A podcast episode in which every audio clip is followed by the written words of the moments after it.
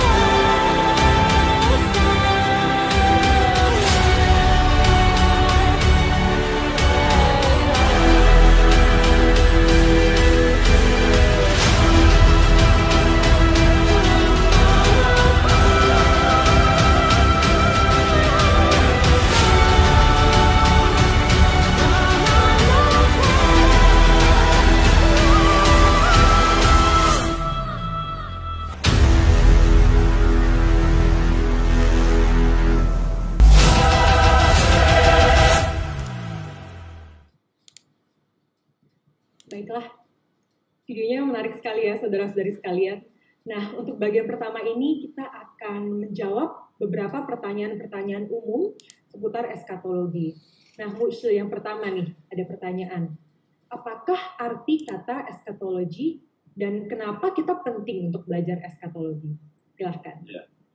Saudara sekalian, pertanyaan yang baik, sebuah awal yang baik untuk memulai uh, diskusi kita tentang eskatologi. Kata eskatologi sebenarnya adalah gabungan dari dua kata. Yang pertama adalah eskatos, hmm. yang kedua adalah logos atau logi. Dua-duanya dalam bahasa Yunani. Eskatos itu artinya akhir zaman atau zaman akhir.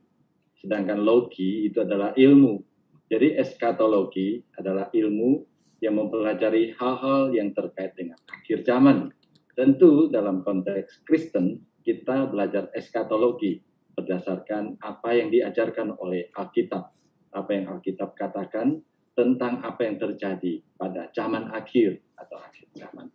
Nah, kenapa belajar eskatologi itu penting? Minimal ada dua manfaat yang kita dapatkan. Yang pertama, supaya kita memahami zaman dan kita dapat bersikap dengan benar, menempatkan diri dengan benar, dengan tepat. Contoh, ketika kita tahu bahwa akhir zaman, sebagaimana dikatakan Alkitab, akan banyak tantangan di dalam kehidupan, akan banyak penderitaan, maka kita dapat bersikap dengan tepat terhadap penderitaan, tantangan hidup. Lebih tabah, lebih sabar, dan mengandalkan Allah. Kita tahu bahwa ini adalah awal daripada kita masuk ke dalam satu dunia yang baru. Ya, manfaat kedua adalah dengan mempelajari eskatologi, kita sekali lagi diingatkan bahwa waktu kita sudah tidak banyak ini adalah fase terakhir dari kehidupan alam semesta ini. Oleh sebab itu kita perlu memanfaatkan waktu ini sebaik mungkin supaya hidup kita memuliakan Allah dan sebanyak mungkin menjadi berkat bagi sesama. Hmm, oke okay, oke, okay. sangat um, jelas sekali ya, ya Pak Hendrik yeah. ya sangat jelas sekali untuk arti dari eskatologi dan kenapa penting ya bagi kita untuk memahami eskatologi sebagai orang Kristen gitu ya. Oke, kemudian ada pertanyaan lagi musuh. Apa arti dari gambar empat penunggang kuda yang ada di flyer corner? Apakah ini lambang dari eskatologi? Iya, ini orang yang mengamati dengan baik ya, tidak hanya sekedar menerima satu flyer, tapi semua dipelajari. Nah, empat uh, penunggang kuda itu bukan empat pahlawan, bukan empat pendekar ya, tapi itu adalah gambar yang diambil dari apa yang diceritakan Alkitab di dalam kitab Wahyu. Memang ketika kita berbicara tentang eskatologi, banyak sekali hal yang dapat kita ambil sebagai simbol. Ya, salah satunya adalah empat kuda ini. Nah, empat kuda ini sebenarnya diambil dari Wahyu pasal 6. Kuda pertama adalah kuda berwarna putih, ayat kedua. Kuda berwarna putih ini memegang panah dan dikaruniai mahkota di kepalanya. Ya, ini adalah melambangkan kedatangan antikristus untuk menyesatkan dunia dengan ajaran sesat. Jadi di akhir zaman ini ada antikristus yang menyesatkan dunia. Kuda kedua adalah kuda berwarna merah padam, ayat keempat.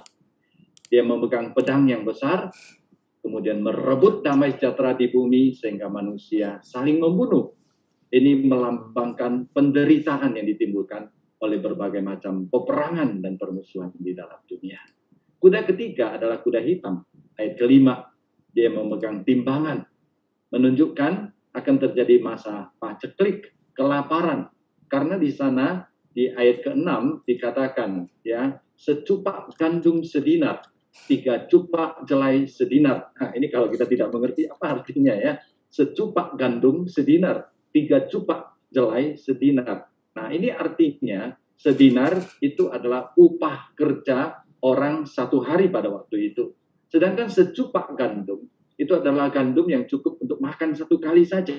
Jadi orang kerja sepanjang hari cuma cukup untuk makan dirinya hari itu juga. Artinya dia tidak dapat mencukupkan kebutuhan keluarganya. Akan terjadi kelaparan, akan terjadi penderitaan. Kemudian kuda keempat yaitu kuda hijau kuning terjemahan lain adalah pale bahasa Inggrisnya adalah warna mayat ayat ke-8 di sana dikatakan.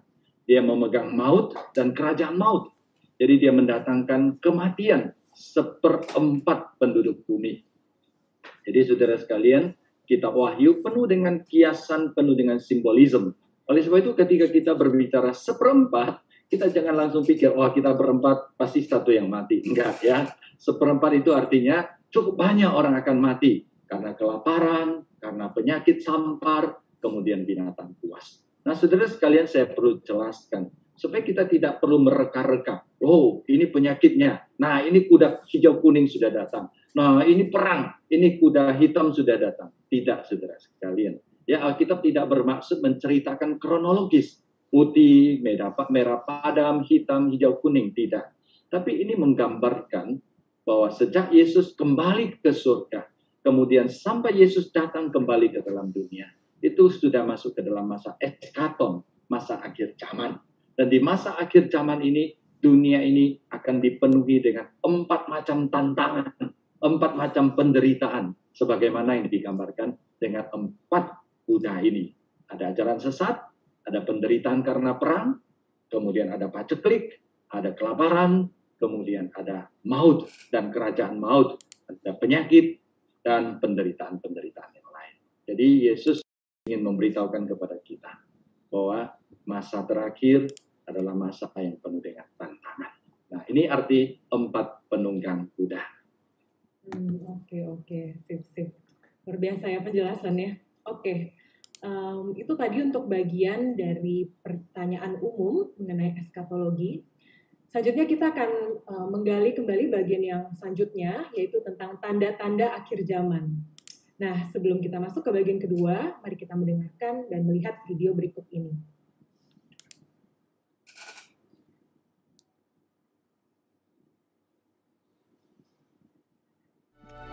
Then I saw a great white throne, and him who was seated on it. Earth and sky fled from his presence, and there was no place for them. And I saw the dead, great and small, standing before the throne, and books were opened. Another book was opened, which is the book of life. The dead were judged according to what they had done as recorded in the books. The sea gave up the dead that were in it, and death and Hades gave up the dead that were in them, and each person was judged according to what he had done. Then death and Hades were thrown into the lake of fire. The lake of fire is the second death. If anyone's name was not found written in the book of life, he was thrown into the lake of fire. Then I saw a new heaven and a new earth, for the first heaven and the first earth had passed away, and there was no longer any sea.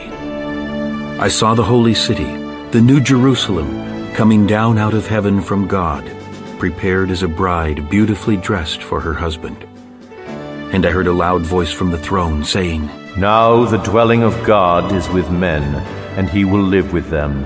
They will be his people, and God himself will be with them and be their God. He will wipe every tear from their eyes.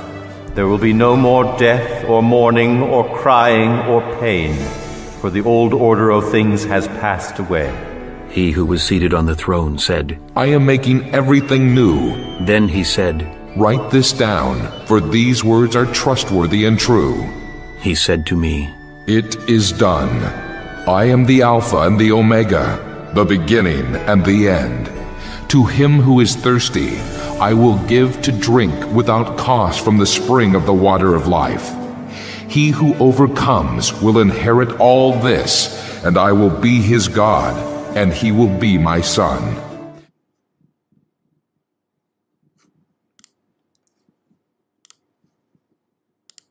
Ya, di sesi kedua ini kita akan berbicara soal tanda-tanda akhir zaman.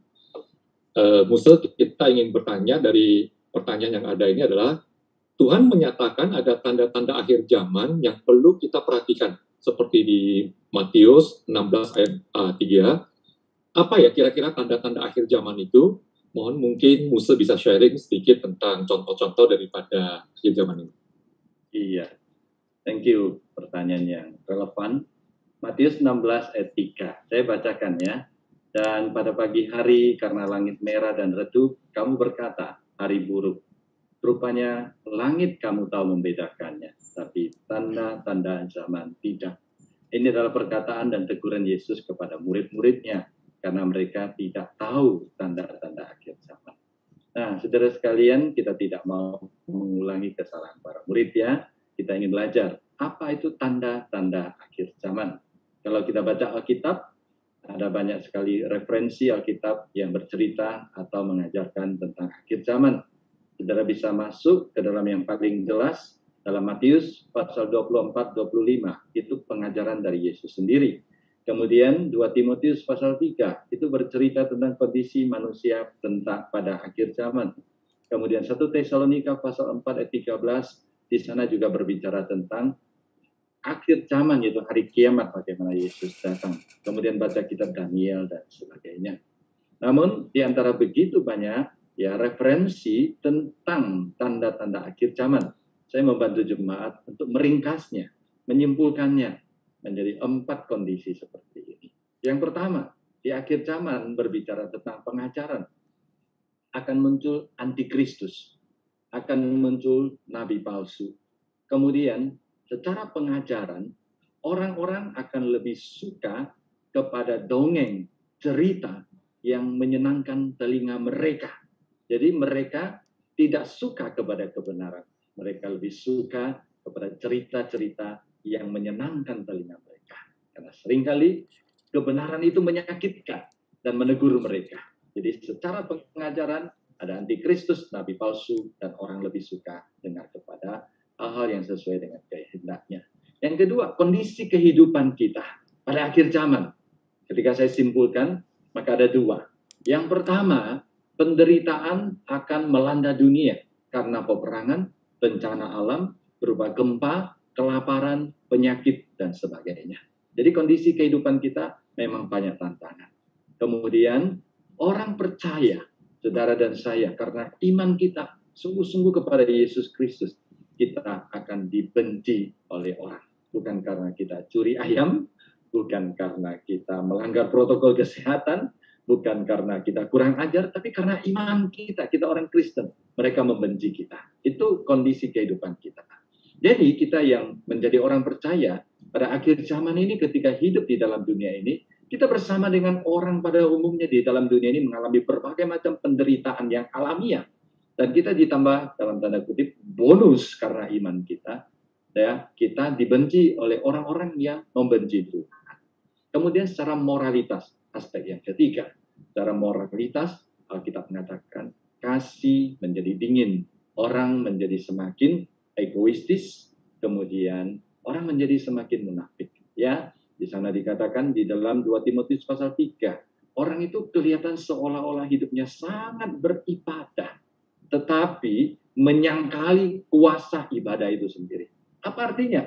Sepertinya rajin beribadah. Kalau mau contoh, saudara sekalian, ya hari ini terjadi kebangkitan agama-agama. Tidak hanya agama Kristen, agama-agama lain juga bangkit tapi apakah moral manusia menjadi semakin baik? Tidak.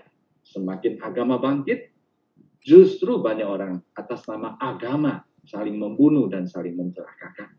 Kemudian manusia akan menjadi hamba uang.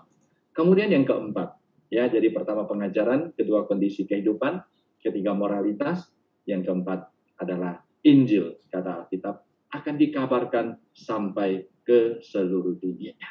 Dan kita lihat sekarang Injil sebenarnya sudah dikabarkan sampai ke seluruh dunia. Jadi saya sekali lagi mengatakan, apa itu zaman akhir? Zaman akhir adalah zaman dimulai ketika Yesus naik ke surga sampai Yesus datang kembali untuk kedua kalinya. Tapi di dalam era atau fase zaman akhir yang panjang ini, ada satu bagian terakhir yang disebut dengan akhir zaman. Dan akhir zaman ini adalah masa di mana banyak sekali tantangan penderitaan sebagaimana digambarkan empat kuda di atas tadi. Ya.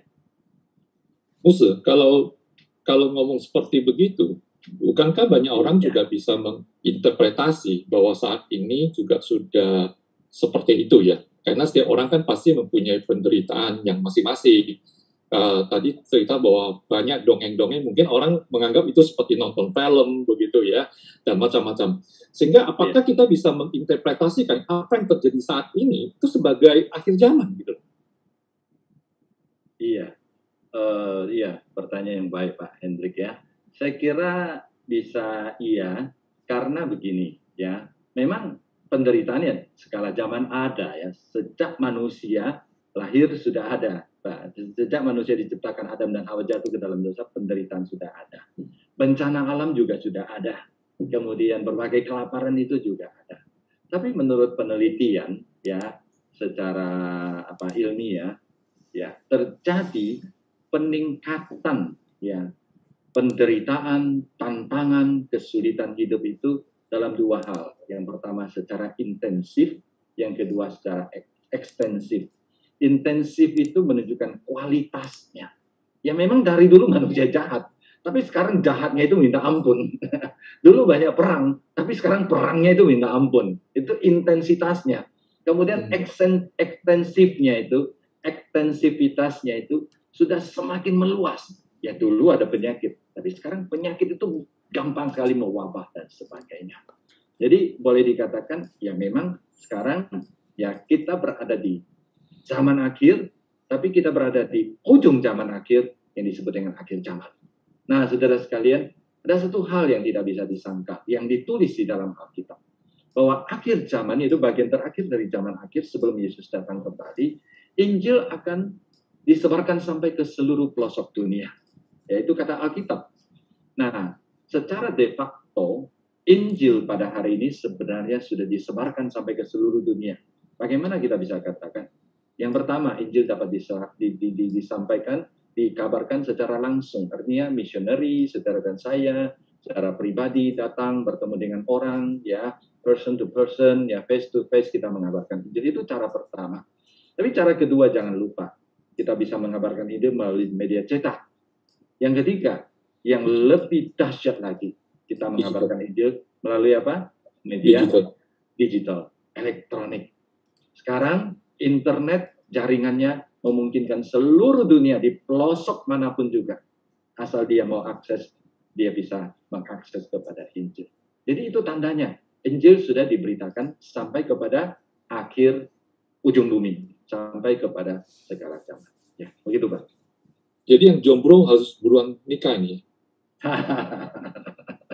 Iya. ya. Kasih kasih tekanan sedikit, Pak. Oke.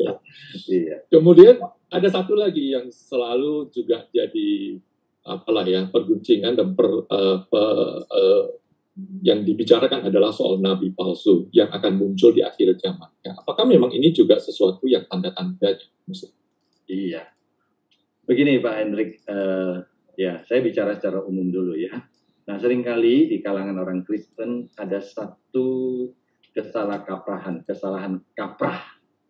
Uh, ketika berbicara tentang antikris, orang selalu mengidentifikasikan, oh si ini antikris, si ini antikris orang itu antikris, satu sistem antikris ya, bahkan sistem perdagangan dikatakan antikris, negara-negara dikatakan antikris, tokoh terkenal dikatakan antikris.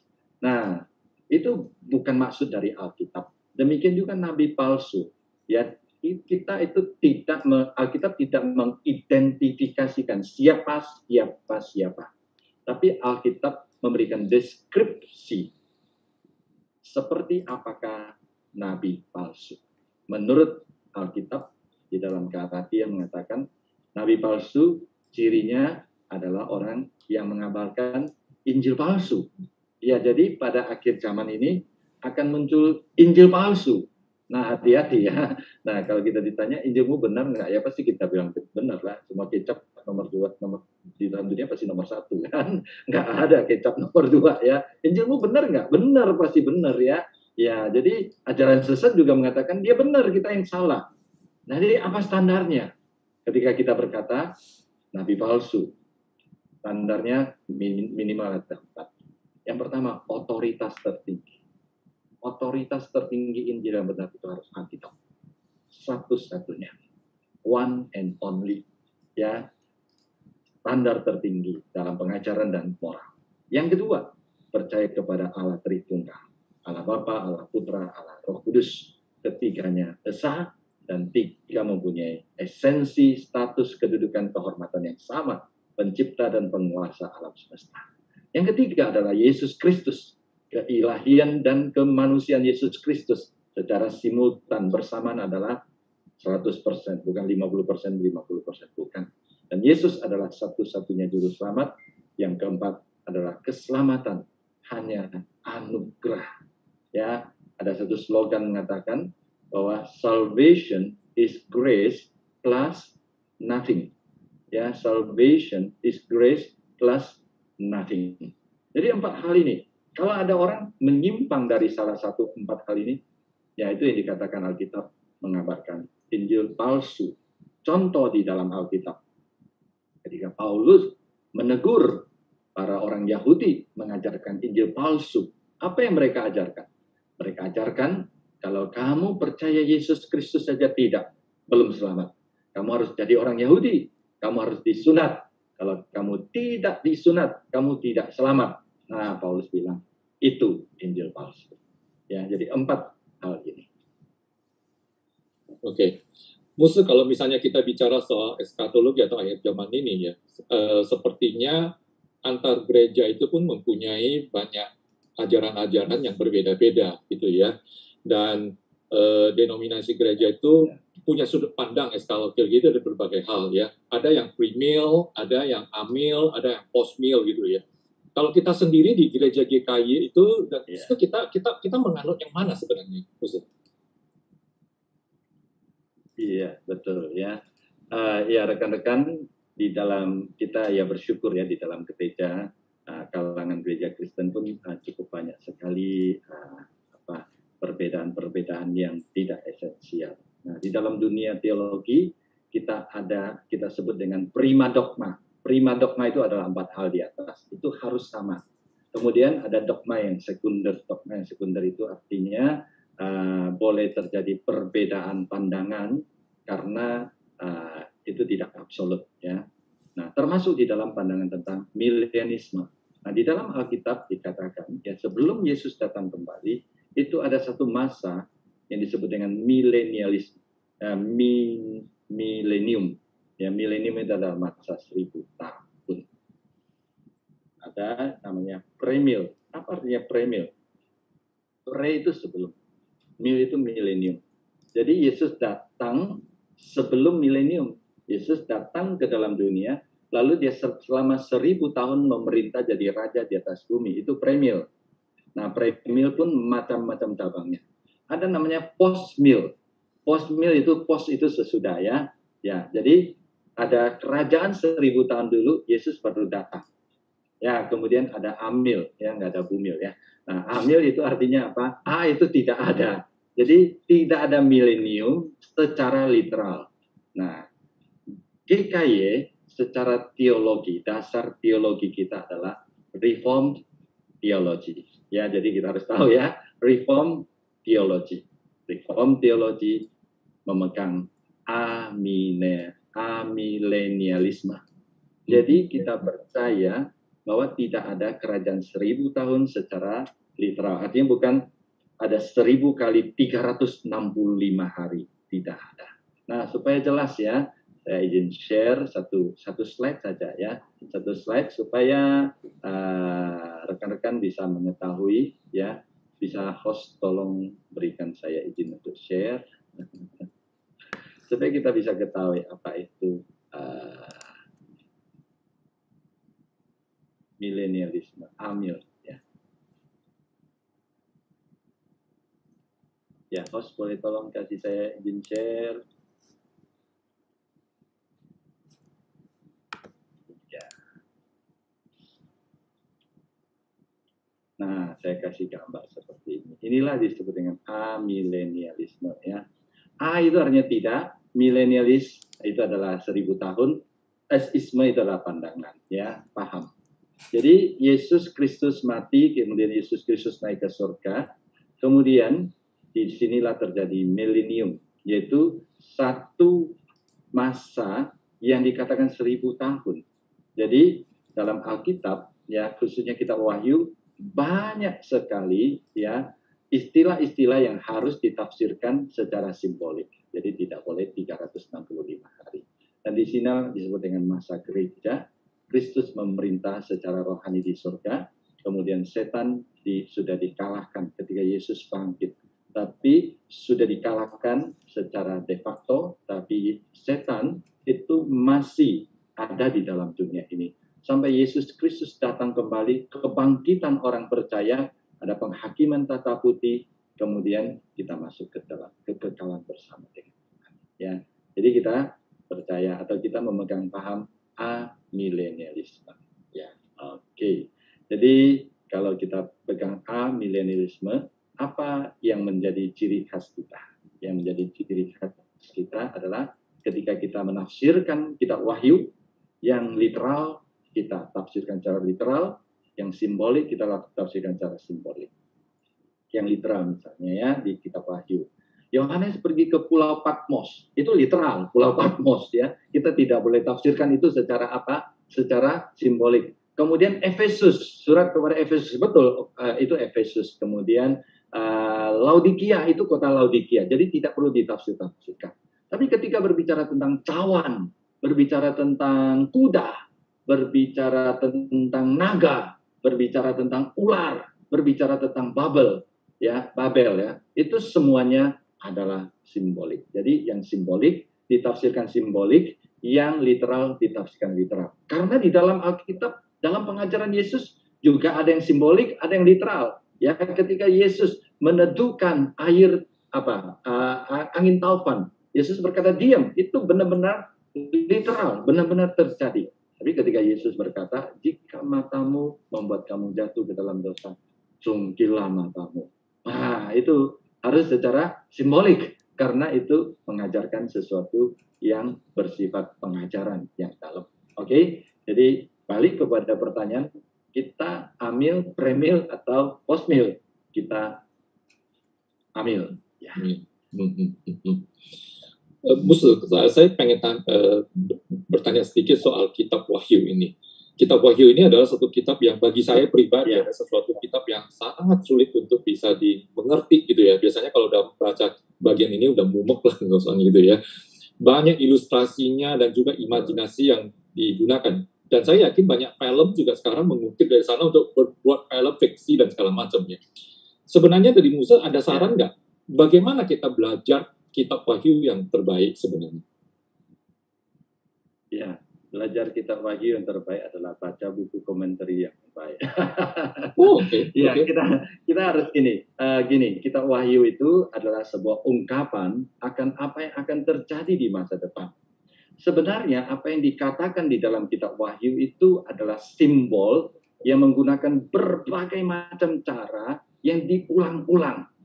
Ya, cawan, kemudian dian, kemudian kuda, itu sebenarnya hal yang diulang-ulang-ulang-ulang yang menggambarkan bahwa pada akhir zaman akan terjadi pergoncangan di dalam kehidupan manusia yang digambarkan dengan simbol-simbol-simbol itu tadi.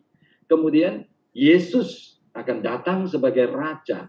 Yesus akan mengalahkan sang setan secara ultimat. Kemudian dia akan dihukum selama-lamanya dan kita masuk akan akan orang percaya akan masuk dalam kekekalan untuk selama-lamanya bersama dengan Tuhan. Itu benang merahnya. Kalau kita dengan kerangka pikiran seperti ini kita coba tempatkan ya. Kalau baca ini ini artinya apa? Ini artinya apa? Ya. Jadi itu sebenarnya gambar gambaran besarnya. Di akhir zaman manusia itu akan jatuh ke dalam dosa seperti yang di awal ada tujuh gereja itu ditekankan. Kemudian akan ada masa yang sulit. Itu digambarkan dengan simbol kuda, cawan, murka, dan sebagainya. Nah, itu menunjukkan bahwa kondisi manusia yang berputar-putar di dalam dunia ini. Kemudian digambarkan bagaimana anak domba itu akan datang. Dia menjadi raja menaklukkan alam semesta. Ada orang segala bangsa berkumpul menyembah dia. Kemudian dia akan mengalahkan si ular, si Babel, si setan. Kemudian dia hancurkan. Kita semua diselamatkan masuk ke dalam kekekalan. Itu garis besarnya, ya, Pak. Oke, ini ada pertanyaan terakhir dari sesi ini. E, mengapa kedatangan Yesus yang kedua kalinya dinyatakan akan seperti pencuri? Iya, kembali ini bahasa simbolisme. Jadi kalau kita tafsirkan secara literal, Yesus masuk penjara karena apa? Karena dia seperti pencuri ya. Ini artinya bahwa kedatangannya itu waktunya adalah sesuatu yang kita tidak duga-duga, kita tidak tahu. Ya, kalau pencuri datang, kita tidak pernah tahu kan. Ya, kalau mobil kita dicuri, biasa kita bilang, kalau saya tahu mobil akan dicuri, saya tidak akan taruh di sana. Ya, sandal kita dicuri, kalau saya tahu sandal saya akan dicuri, saya bawa masuk ke dalam rumah. Nggak ada pencuri, sebelum dia curi uh, mau masuk uh, rumah satu orang, dia telepon dulu PA dulu. Ya, kalau Pak Hendrik ada di rumah enggak? Oh, saya lagi di rumah ngapain? Enggak, kalau nggak ada di rumah saya mau curi nih. Nanti kalau udah pergi, tolong kasih tahu ya supaya saya bisa pergi curi ya. Itu namanya uh, apa? Uh, orang pencuri yang lagi latihannya praktek lapangan, belum profesional. Ya, jadi menekankan apa? Ketiba-tibaan dan juga uh, perlu kita selalu berjaga-jaga, bersiap-siap. Kalau kita tidak jaga, siap-siap, maka barang kita akan dicuri. Oke, oke. Nah, seru kan peserta semuanya? Ini eh, cerita tentang eskatologi ini memang sesuatu yang selalu bisa menjadi perdebatan dan banyak hal, tapi penjelasan Musa kali ini eh, baik ya. Kita kita bisa lebih mengerti tentang Alkitab ini jauh lebih bagus ya ikutin terus ya. sampai akhir acara ini. Nanti nanti di akhir acara kita ada kuis lagi ada hadiah yang menarik menanti ya. Oke sekarang saya silakan kembali ke Sonia untuk sesi berikutnya. Silakan Sonia. Oke setuju banget nih sama Pak Hendrik. Penjelasan musuh jelas sekali ya. Oke selanjutnya tadi sudah ngomongin tentang tanda-tanda akhir zaman. Nah sekarang ada beberapa pertanyaan yang mengacu dari Alkitab nih musuh ini uh, khusus uh, dari Injil Matius ya. Jadi pertanyaan pertama musuh Matius 24 ayat 40. Pada waktu itu kalau ada dua orang di ladang, yang seorang akan dibawa dan yang lain akan ditinggalkan. Nah, bagaimana ya mengartikan ayat ini terkait eskatologi? Iya. Kalau dilanjutkan ya, ada dua orang yang ber, ada dua perempuan yang sedang memutar batu kilangan, yang satu diambil, yang yang satu dibawa pergi, yang lain ditinggal ya. Nah, kalau kita uh, copot dua ayat ini, ya ayat ke-40 dan 41 itu memang membingungkan apa artinya ini ya. Tapi ini adalah satu konteks, satu uh, satu paragraf. Kita harus mulai baca dari ayat 37 sampai 42. Ayat 47 eh 37 di sana dikatakan bahwa kedatangan anak manusia yaitu hari kiamat adalah seperti orang pada zaman Nuh. Ketika air bah datang, ya Nuh mengabarkan berita tentang Allah, tapi orang tidak mau percaya. Nah, lalu ketika air bah datang, maka Nuh bersama dengan anggota keluarganya yang percaya kepada Allah dibawa pergi, sedangkan yang tidak percaya ditinggal. Nah, itu konteksnya. Jadi, ada dua kelompok orang, satu kelompok orang yang seperti Nuh, satu kelompok orang yang seperti orang yang tidak percaya kepada yang diberitakan Nuh. Nah, sama seperti pada zaman Nuh, kata Yesus Kristus. Dua orang bekerja di ladang. Dua perempuan sedang memutar batu, kilangan. Yang satu dibawa, yang satu ditinggalkan. Nah, sama kan, jelas kan analoginya pada zaman Nuh ada dua jenis orang. Satu dibawa pergi karena dia percaya diselamatkan. Satu bayar datang tidak diselamatkan. Nah, seperti itu ada dua orang perempuan cuma ini digambarkan. Jadi apa artinya? Artinya pertama, waktu kedatangan Yesus adalah mendadak. Karena manusia masih bekerja, hidup seperti apa adanya, bekerja di ladang, bekerja di batu kilangan dan sebagainya. Itu adalah pekerjaan yang umum, ya. Nah, kalau Yesus eh, memberikan perumpamaan atau menceritakan konteks sekarang, mungkin ada dua orang sedang berada di kantor, yang satu di bawah, yang satu ditinggal. Ya, ada dua orang sedang wifi wifian, yang satu dipergi, yang satu enggak gitu ya. Ya, hmm. itu yang pertama. Yang kedua, sama seperti zaman Nuh, sekelompok orang akan diselamatkan, sekelompok tidak diselamatkan. Pada Yesus datang kembali. Siapa yang diselamatkan? Merujuk kepada cerita Nuh, yang diselamatkan adalah orang yang percaya kepada Allah. Dalam hal ini percaya kepada Injil. Yang ditinggal untuk menerima penghukuman adalah orang yang tidak percaya kepada apa yang Nuh kabarkan. Ini artinya. Hmm. Aku kira tadi seperti film Avenger, si Thanos tuh ini langsung hilang hilang gitu ya. ya, ternyata Pak Hendrik korban film juga. Oke. Berarti eh, Kalau saya nonton film Doraemon, Pak. Kalau tadi ngomongin ada kelompok yang dibawa dan yang ditinggalkan gitu ya. Ini ada pertanyaan lagi nih. Ini dari Matius 24, tapi ini ayat 34 musuh. Iya. Jadi Tuhan menyampaikan bahwa akhir zaman akan tiba sebelum berakhirnya angkatan. Jadi ini generasi usia 20 sampai 30 tahun. Tapi belum akhir zaman nih hingga saat ini. Bagaimana ya? Ya, pertanyaan yang sangat logis, yang sangat masuk akal ya. Jadi dikatakan bahwa angkatan ini tidak akan berlalu ya sebelum kejadian itu terjadi. Sebelum kejadian itu apa? Jadi nah, konteksnya saya cerita konteksnya dulu ya. Konteksnya adalah Yesus bercerita atau Yesus mengajarkan. Ini ingat 24 Matius 24 25 itu konteksnya adalah akhir zaman. Yesus menceritakan akhir zaman akan ada banyak penderitaan sebelum kedatangan anak manusia.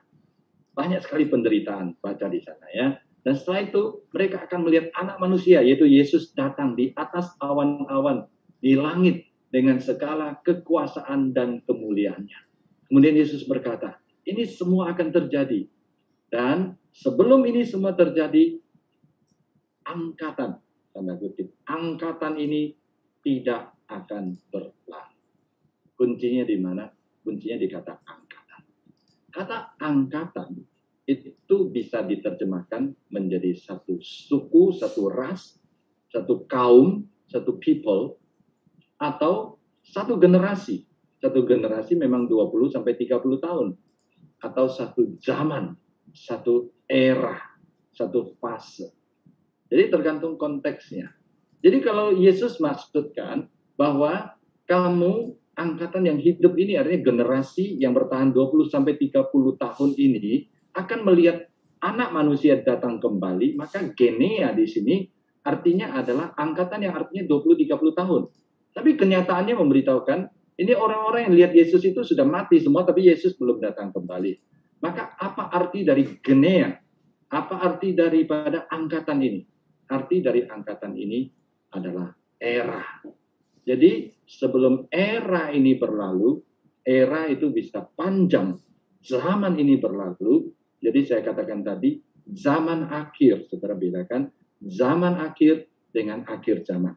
Zaman akhir itu adalah fase terakhir daripada eksistensi alam bumi, alam semesta ini. Akhir zaman adalah bagian terakhir, potongan terakhir, akhir zaman daripada zaman akhir. Jadi sebelum zaman ini berlalu, maka aku pasti datang kembali. Dengan kata lain apa?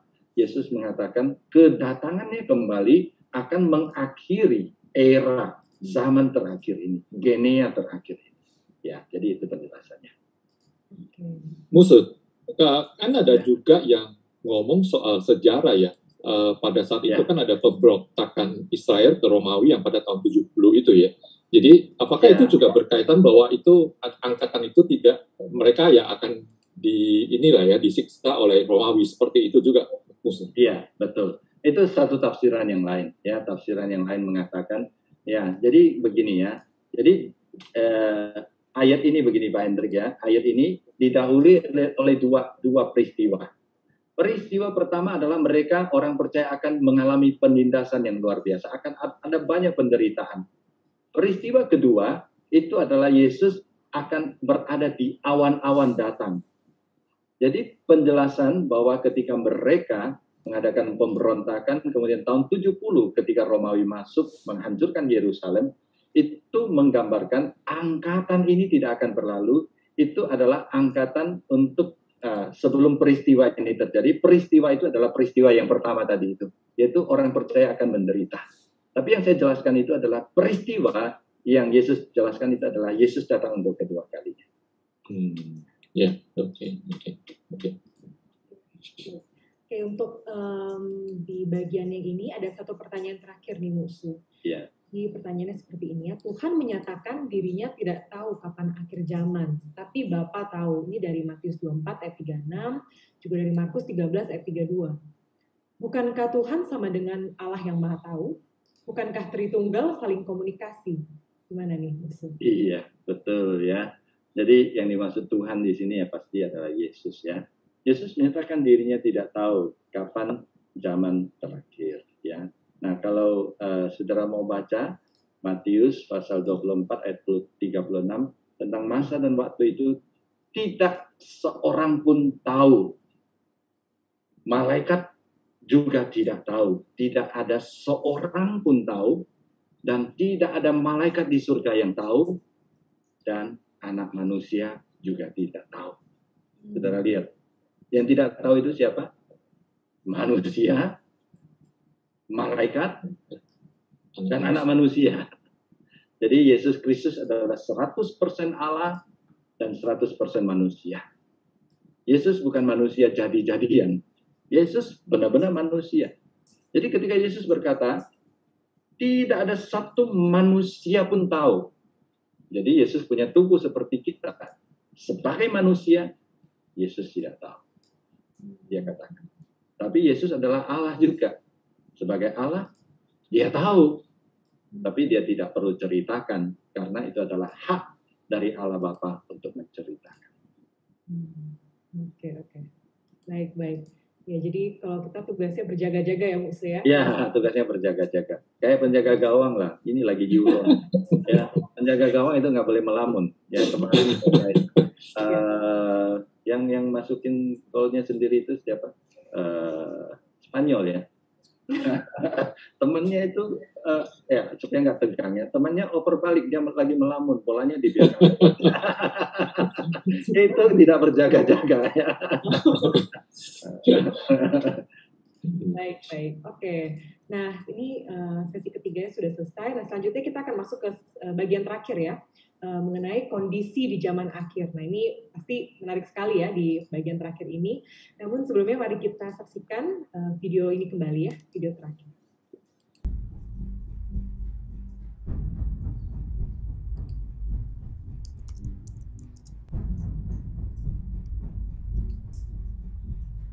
As he sat on the Mount of Olives, the disciples came to him privately, saying, Tell us, when will these things be? And what will be the sign of your coming and of the close of the age? And Jesus answered them, See that no one leads you astray. For many will come in my name, saying, I am the Christ, and they will lead many astray.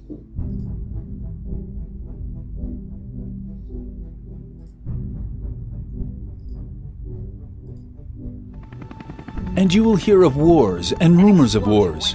See that you are not alarmed. For this must take place, but the end is not yet. For nation will rise against nation, and kingdom against kingdom, and there will be famines and earthquakes in various places. All these are but the beginning of the birth pains. Just as it was in the days of Noah, so will it be in the days of the Son of Man.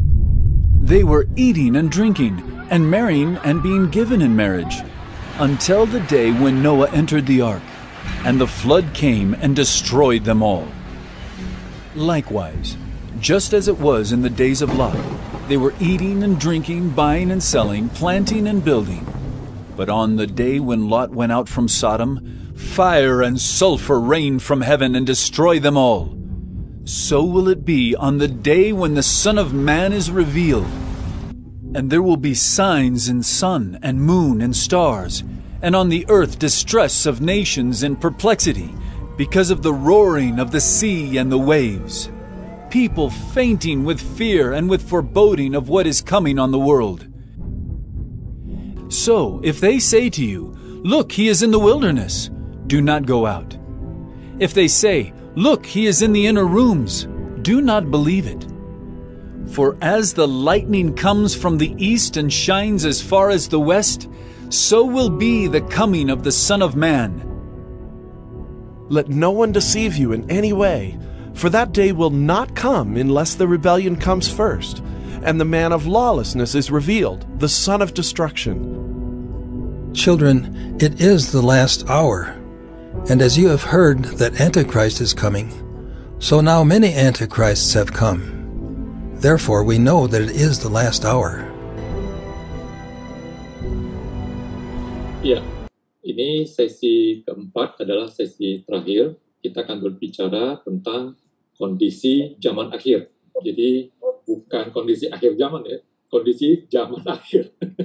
Tadi musuh dan Hasan baru sadar saya. ternyata beda akhir zaman sama zaman akhir. Oke, uh, ini pertanyaannya, menurut Alkitab, adakah suatu tanda yang menunjukkan dimulainya the Great Tribulation atau adanya semacam eskalasi penderitaan dengan pandemi sekarang ini misalnya? Iya, uh, kita mencoba masuk ke dalam dunia nyata ya. Banyak orang mengatakan ini COVID, ini adalah tanda dimulai dari Great Tribulation. Nah, sebagai penjelasan, uh, kalau kita menganut paham amilenialisme, kita tidak mengenal Great Tribulation. Karena tribulation atau penyiksaan atau penderitaan itu akan merata turun naik turun naik sepanjang zaman akhir ini. Tetapi kalau orang yang memegang kepercayaan memegang kepada teori nah, pre mil atau post mil ya mereka mengajarkan begini kalau pre mil maka akan ada satu masa selama tujuh tahun secara literal. tujuh kali 365 hari dimulai Great Tribulation selama tujuh tahun dan setelah tujuh tahun Yesus datang itu premil kemudian mulai Yesus memerintah di atas bumi seribu tahun. Nah, Great Tribulation ini juga banyak teorinya. Ada namanya pre-trib, mid-trib, post-trib. itu lebih bingung lagi ya. Mid-trib itu artinya tiga setengah tahun, mid-trib ya, tribulation, maka orang-orang percaya akan diangkat, rapture. Atau post-trib, setelah tribulation baru diangkat. Atau pre-trib, jadi ada namanya pre-trib, pre-meal, post-trib, post-meal gitu ya. Oke, kita nggak usah pikirkan itu lah ya. Kemudian yang kedua adalah uh, pre, uh, post meal juga mengajarkan hal yang sama. Cuma post meal itu mengatakan kerajaan seribu tahun dulu, baru di belakang ada Great Tribulation. Nah, kesulitan daripada orang yang ya menerima pre dan post meal adalah menjelaskan kapan dimulai, bagaimana kita tahu itu tujuh tahun itu dimulai. Ya nggak hmm. tahu kita ya Nggak tahu karena apa? Bisa saja kita tahu kan ya 1900 tahun 1900 di Eropa itu ada flu Eropa namanya, Spanyol itu namanya. Ya mungkin waktu itu juga orang bilang itu sudah mulai Great Tribulation, tapi nggak jadi ya. Sekarang pandemi dimulai, COVID dimulai, itu bisa saja. Oleh sebab itu, saya lebih percaya bahwa semua itu adalah lebih sebuah kondisi yang on off on off on off, tapi menunjukkan kondisi dunia yang penuh dengan penderitaan. Ya, seperti itu. Itu penjelasan dari cara apa? Dari cara amil. Berarti kita ambil lebih sederhana dong ya, lebih lebih gampang ya.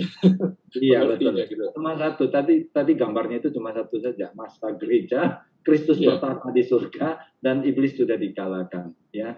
Nah kalau orang pre premil dan post meal itu banyak sekali ada mid trip, post trip, iya. kemudian ya. banyak sekali variannya. Oke okay, oke. Okay. Tapi mereka bisa juga nggak sih mengatakan karena mungkin mereka punya pendapat itu kan berdasarkan kitab wahyu ya, uh, Muslim ya. Apakah mereka bisa mengatakan bahwa kita wahyu tidak kitabiah gitu? Kitab wahyu dan kitab Daniel. Mm-hmm. Kuncinya di mana Pak Hendrik?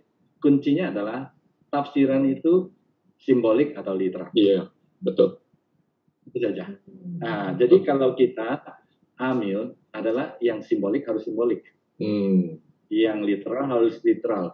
Tapi kalau pre dan post umumnya menafsirkan semua harus literal. Hmm. Nah, ke kemudian kalau mereka tanya kepada kita, kapan kamu tentukan ini harus literal, ini harus simbolik? Nah, ini juga susah dijawab ya. Nah, jawabannya adalah konteks. Kembali kepada konteks.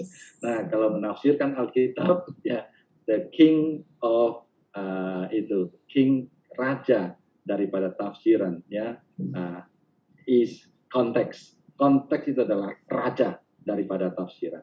Ya, the king of interpretation is the context of the text. Jadi semua harus balik kepada konteks. Satu teks dicabut daripada konteksnya itu pasti mengajarkan pengajaran yang sesat. Oke, okay, oke. Okay. Nah, Kemudian ada pertanyaan lagi, apakah pada akhir zaman peristiwa Yerusalem baru akan turun dari surga? Itu premier juga kali ya?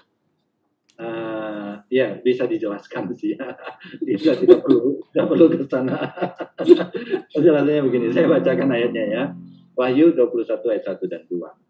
Lalu aku melihat langit yang baru dan bumi yang baru. Sebab langit yang pertama dan bumi yang pertama telah berlalu. Dan laut pun tidak ada.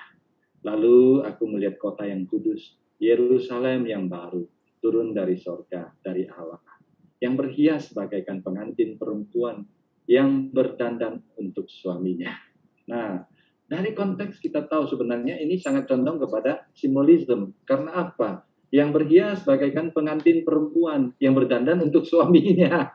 Nah, itu kan simbol gitu ya. Jadi konteksnya adalah sebelum ayat ini Yesus sudah turun, iblis sudah dikalahkan dan dihukum untuk selama-lamanya. Orang percaya sudah dibangkitkan dan menerima tubuh kebangkitan yang baru. Langit dan bumi yang lama ini, alam semesta ini, planet-planetnya sudah lenyap semua.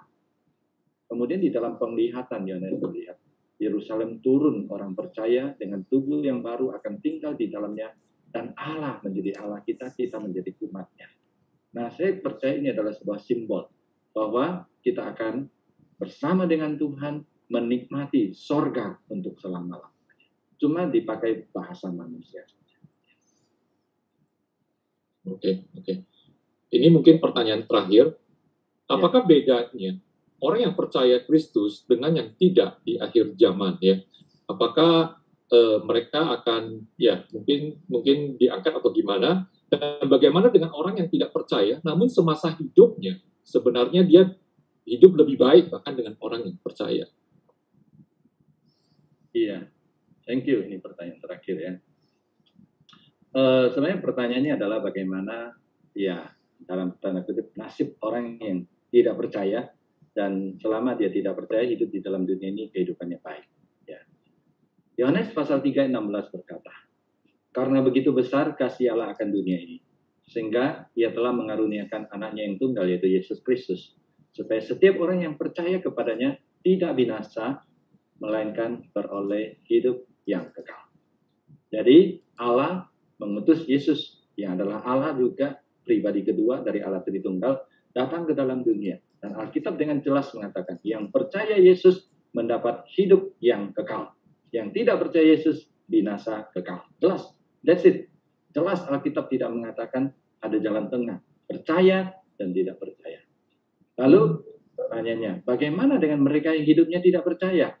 Ya, tapi hidupnya baik, perbuatannya baik perbuatan baik tidak menyelamatkan karena perbuatan baik tidak dapat menyelesaikan dosa manusia.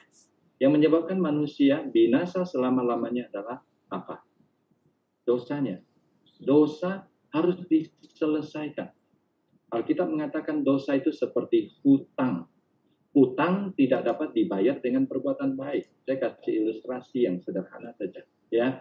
Nah, ya supaya ya Pak Hendrik pinjam saya 500 juta ya pinjam dengan saya ya Pak Hendrik utang dengan saya bukan saya utang dengan Pak Hendrik ya. Pak Hendrik utang dengan saya 500 juta. Lalu jatuh tempo saya pergi lagi ke Pak Hendrik. Pak Hendrik mana 500 juta? Pak Hendrik bilang utangnya sudah dibayar udah lunas. Kok bisa lunas? Iya kemarin saya pergi melakukan perbuatan baik. Saya bangun tiga rumah sakit. Saya bangun dua jembatan. Sudah dilunaskan? Ya nggak bisa dong. Perbuatan sebaik apa pun juga tetap hutang ya hutang. Hutang hanya bisa dilunaskan dengan tiga cara. Yang pertama, saya menghapus. Kedua, Pak Hendrik bayar. Yang ketiga, orang ketiga bayarkan. Ketika kita berdosa kepada Tuhan, kita berhutang nyawa kepada Tuhan. Tuhan bilang, tidak ada satu dosa pun tidak akan dihukum. Semua pasti akan dihukum. Tuhan tidak begitu saja menghapus dosa. Jadi jalan pertama tidak mungkin. Yang kedua, mau bayar sendiri boleh. Apa artinya bayar sendiri? Ya masuk neraka. Ya. Yang ketiga, Yesus bayar untuk kita. Itulah arti percaya kepada Yesus. Yesus menanggung dosa kita di kayu salib. Yesus bayar lunas hutang dosa kita. Sehingga kita mendapatkan keselamatan dan kita mendapat hidup yang kekal. Ya, jadi bagi pendengar, saudara-saudari sekalian, kalau Anda hari ini belum percaya kepada Yesus Kristus, tiga cara. Tidak mungkin dosa saudara begitu saja dihapus oleh Tuhan. Tinggal dua. Saudara mau bayar sendiri, Alkitab mengatakan binasa. Tapi kalau saudara tidak mau bayar sendiri, saudara berkata, Tuhan Yesus, aku percaya kepadamu. Bantu saya bayar hutang dosa saya. Dan Yesus berkata, untuk kamulah saya mati di kayu salib. Begitu. Oke, okay. uh, demikian ya kita punya sesi untuk kali ini di corner ya. Mungkin musuh kalau sebelum kita tutup, mungkin musuh bisa kasih closing statement untuk eskatologi kali ini. Ya, ya eskatologi itu artinya uh, uh, zaman akhir ya. Zaman akhir itu dimulai ketika Yesus kembali ke surga sampai Yesus turun. Dan di akhir zaman bagian fase terakhir akan banyak sekali penderitaan dan tantangan. Kita tidak perlu takut karena Tuhan menyertai kita. Percaya dan bersandar kepadanya, kita pasti menang. Karena kemenangan kita sudah dijamin oleh Tuhan dan apa pun yang terjadi, karena kita sudah diselamatkan oleh Tuhan. Satu hari ketika kita menyelesaikan perjalanan hidup ini, kita akan bertemu dengan Tuhan. Musa, ini ini satu pertanyaan yang terpikirkan saya. Okay. Ini kan kalau aku dari tadi mendengar Musa menjawab ini pertanyaan ini gampang sekali dan lancar banget begitu ya. Kadang-kadang saya jadi ceder juga gitu rasanya bahwa bagaimana ya sebenarnya kita sebagai jemaat itu bisa bisa bertumbuh juga, bisa self feeding begitu ya untuk untuk untuk bertumbuh. Kalau dari Musa ada saran nggak bahwa bagaimana dari setiap jemaat itu bisa juga bertumbuh uh, sendiri gitu ya? Ya, kita bertumbuh itu salah satunya ya adalah hasil pekerjaan dari Roh Kudus. Oleh sebab itu, kita harus mengandalkan Tuhan, ya, mengandalkan Tuhan. Nah, dimulai dari kerinduan kita kepada Tuhan. Ketika kita semakin mengenal Tuhan, maka kita semakin dibukakan jalan untuk mengerti kebenaran. Ya, apa yang tertulis di dalam Alkitab sebenarnya adalah uh, ilham dari Roh Kudus Nah, kalau orang tidak dibantu oleh Roh Kudus, memang mumet. Tapi kalau sudah dibantu oleh Roh Kudus dibukakan, eh kedengarannya sederhana sekali seperti itu ya. Jadi hmm. tidak mengandalkan otak, tidak mengandalkan pikiran, selalu dimulai dengan doa, selalu dimulai dengan kedekatan kepada Tuhan. Saya kira kuncinya adalah kasihilah Tuhan. Kasihilah Tuhan. Tuhan akan membukakan kehendaknya bagi kita. Kalau kita kas mengasihi Tuhan, kita akan rajin membaca firman-Nya kalau kita tidak mengerti, Tuhan akan tunjukkan kepada kita kepada sumber yang benar. Dan hmm. mengasihi Tuhan. Oke, okay. seru ya peserta semuanya uh, penjelasan kali ini ya. Uh, kita sebelum uh, menutup kita minta doa khusus lagi untuk tutup dalam doa ya. ya. Mari kita berdoa. Tuhan kami berterima kasih karena Engkaulah yang memimpin kami pada malam Biarlah kami kembalikan segala kemuliaan kepada Allah kami di surga. Bantu kami di akhir zaman ini hidup dekat dengan Engkau. Supaya kami tidak diombang-ambingkan oleh berbagai macam pengajaran. Supaya kami tidak kecewa karena penderitaan. Bahkan karena penganiayaan karena iman kami. Supaya kami lebih sungguh melayani Tuhan dan memegang setiap kesempatan untuk melayani Tuhan dan menjadi berkat bagi sesama. Terima kasih Tuhan. Berkatilah setiap saudara-saudari kami yang mendengarkan. Lindungi dan jauhkan kami dari mara bahaya. Demi nama Tuhan Yesus kami berdoa. Amin. Amin. Oke, sebelum kita berpisah, ini uh, soal kuis tadi ya. Jadi kita ada satu kuis. Uh, rekan-rekan semuanya boleh menulis uh, testimoni dari masing-masing mengenai acara eskatologi corner hari ini ya. Nanti bisa uh, dibuat di uh, uh IG story ya, bisa dalam bentuk uh, tulisan ataupun video dan jangan lupa untuk mention at GKY underscore Puri dan at sing underscore KP GKY Puri ya. Atau kalau misalnya kalian yang nggak punya IG atau Instagram boleh menuliskan ke WA dan kirim kepada admin daripada Sing tadi ya. Nanti ada hadiah yang menarik uh, menanti ini. Ini ada satu headphone yang sangat menarik menanti uh, yang mempunyai testimoni yang terbaik nantinya ya. Jadi jangan lupa untuk mengirimkan sehingga kita membuat acaranya makin baik ke depan lagi nantinya ya. Terima kasih semuanya dan sekali lagi jangan lupa ya subscribe channelnya eh, GKY Puri ya biar kita tidak ketinggalan daripada semua acaranya nanti ya. Oke. Okay. Uh, sekali lagi terima kasih untuk semuanya. Terima kasih Muse yang sudah bersedia untuk ini ya dan rekan saya Sonia juga yang sudah bersama-sama memandu acara ini ya. Dan sekali lagi selamat malam dan stay safe ya semuanya ya, stay safe dan God bless semuanya ya. Oke, okay. thank you semuanya selamat malam. Malam.